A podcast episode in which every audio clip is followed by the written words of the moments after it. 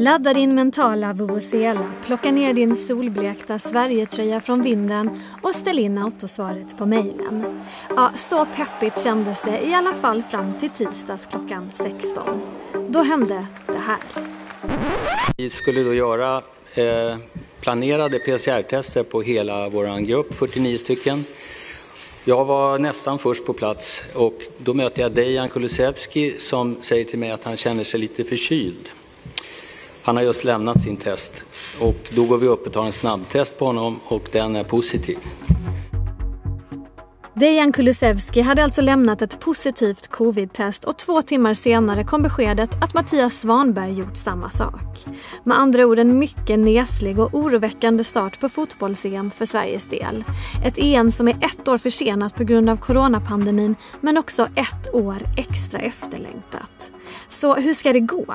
Hur påverkar coronafallen laget, stämningen och positionerna på plan? Och hur blir egentligen ett EM som hålls mitt under en pandemi? Det och mycket annat ska vi prata om i dagens Aftonbladet Daily. Jag heter Olivia Svensson. Sportbladets reporter Linn Nordström följer landslaget hack i häl under de här dagarna och när jag får tag i henne befinner hon sig i Göteborg.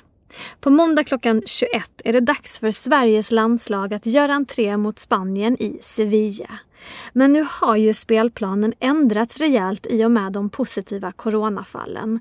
Så vad vet vi om hur den svenska truppen påverkas? Vi hör Linn Nordström.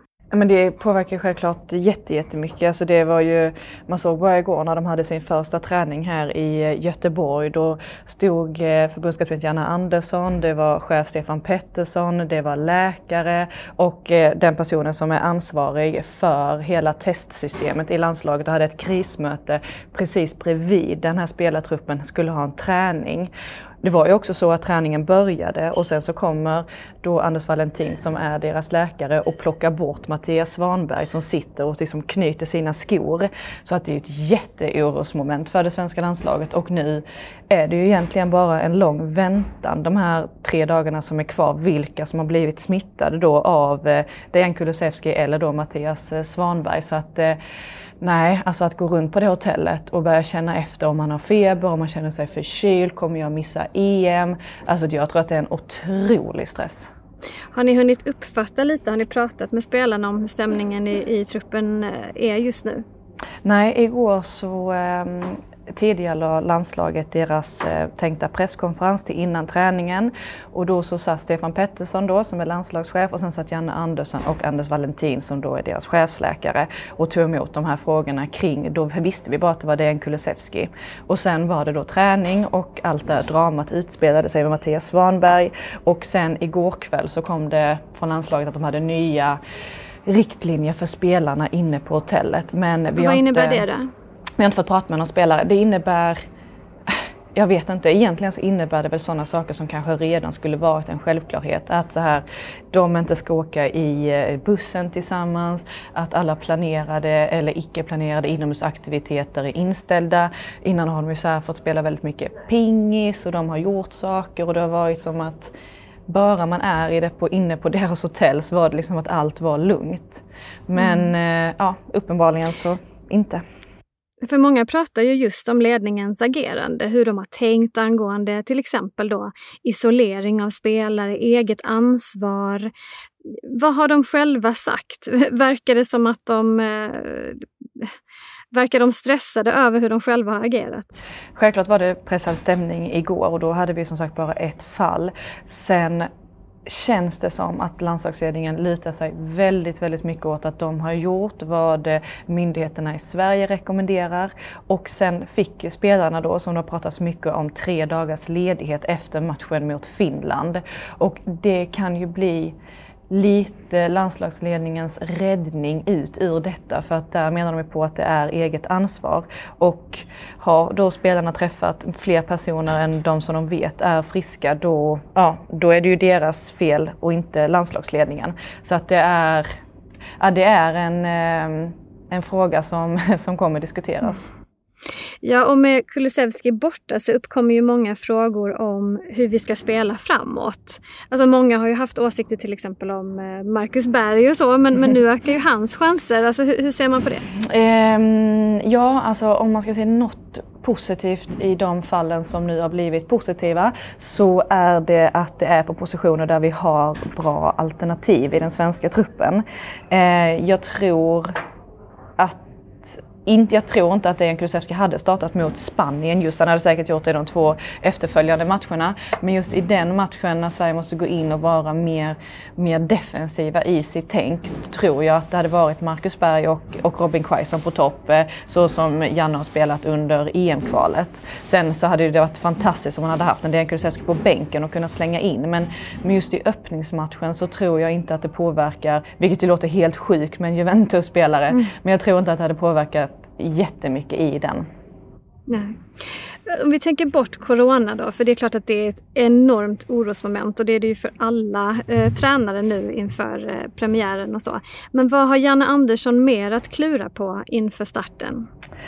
Ja, men han hade ju lite mer att klura på innan de här eh, eh, covidfallen kom, hur han ska göra med sitt anfallspar. För att det är som att han har parat ihop Alexander Isak och Dejan Kulusevski och sen då Marcus Berg och Robin Quaison. Så där hade han säkert fått tänka till lite. Sen har han ju även alternativ om vi tänker på högerkanten. Alltså om, eh, nu gjorde inte Sebastian Larsson sin absolut bästa match här senast, men han är ändå deras lagkapten. Det är ändå han som ska lägga straffarna även ifall han nu missade senast. Så att han har ändå lite saker att tänka på. Vem som ska starta med Victor Nilsson Lindelöf var ju en diskussion tidigare men nu gjorde ju Marcus Danielsson det så otroligt bra. Så att eh, där känns det som att han åtminstone måste fått en, eh, en väldigt klar bild av att det är de som blir mittbackspar. But it's the greatest night in Portugal's football history for Cristiano Ronaldo From tears to cheers and more tears this time of joy. Their first major trophy against all the odds.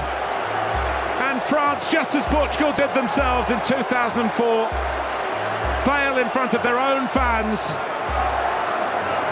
And it's Portugal who are champions of Europe.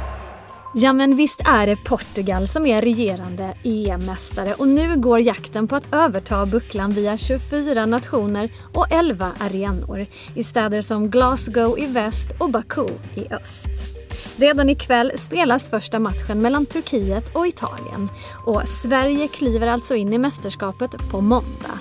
Ledda av förbundskapten Janne Andersson möter de Spanien i Sevilla.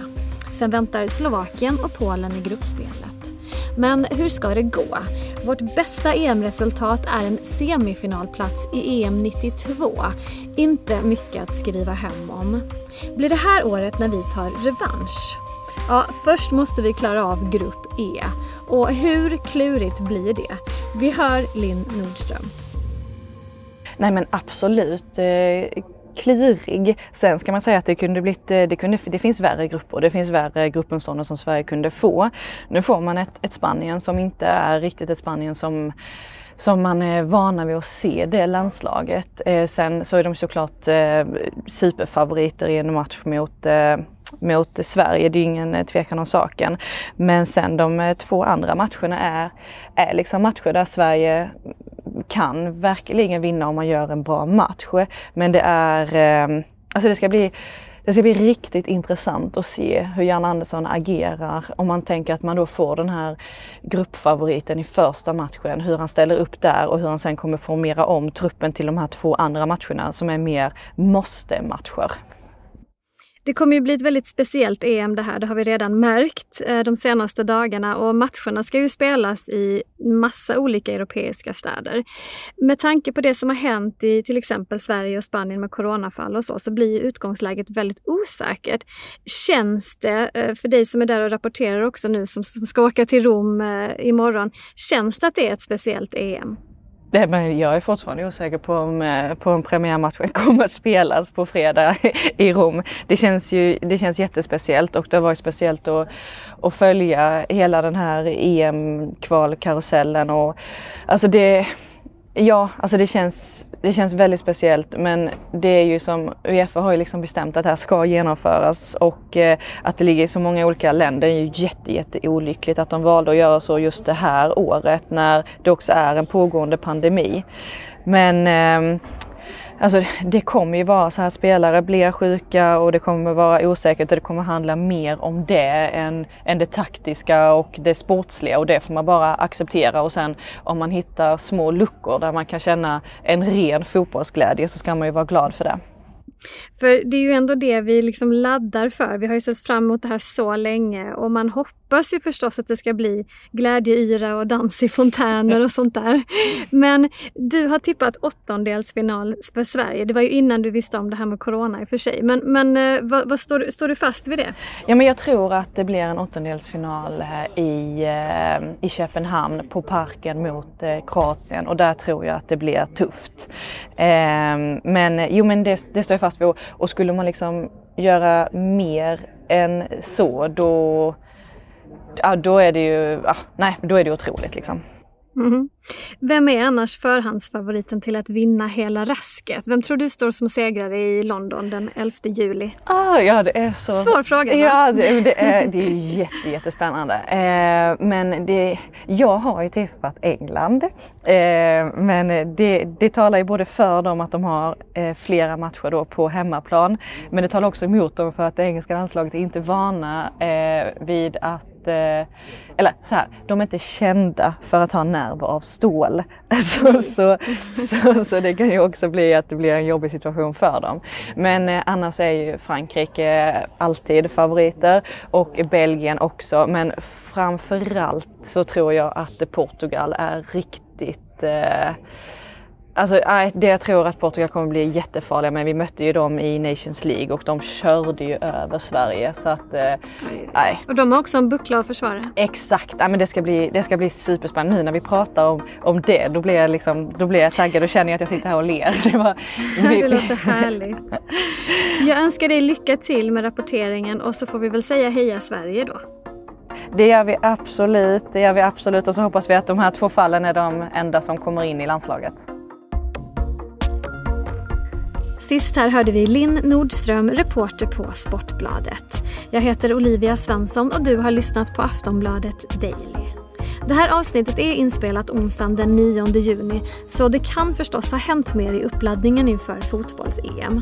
Följ senaste utvecklingen på Sportbladet och i vår särskilda EM-podd. Och så skickar vi ett krya på er till de drabbade spelarna. Bucklor är viktiga men hälsan det allra viktigaste. På återhörande Hej då. Du har lyssnat på en podcast från Aftonbladet. Ansvarig utgivare är Lena K Samuelsson.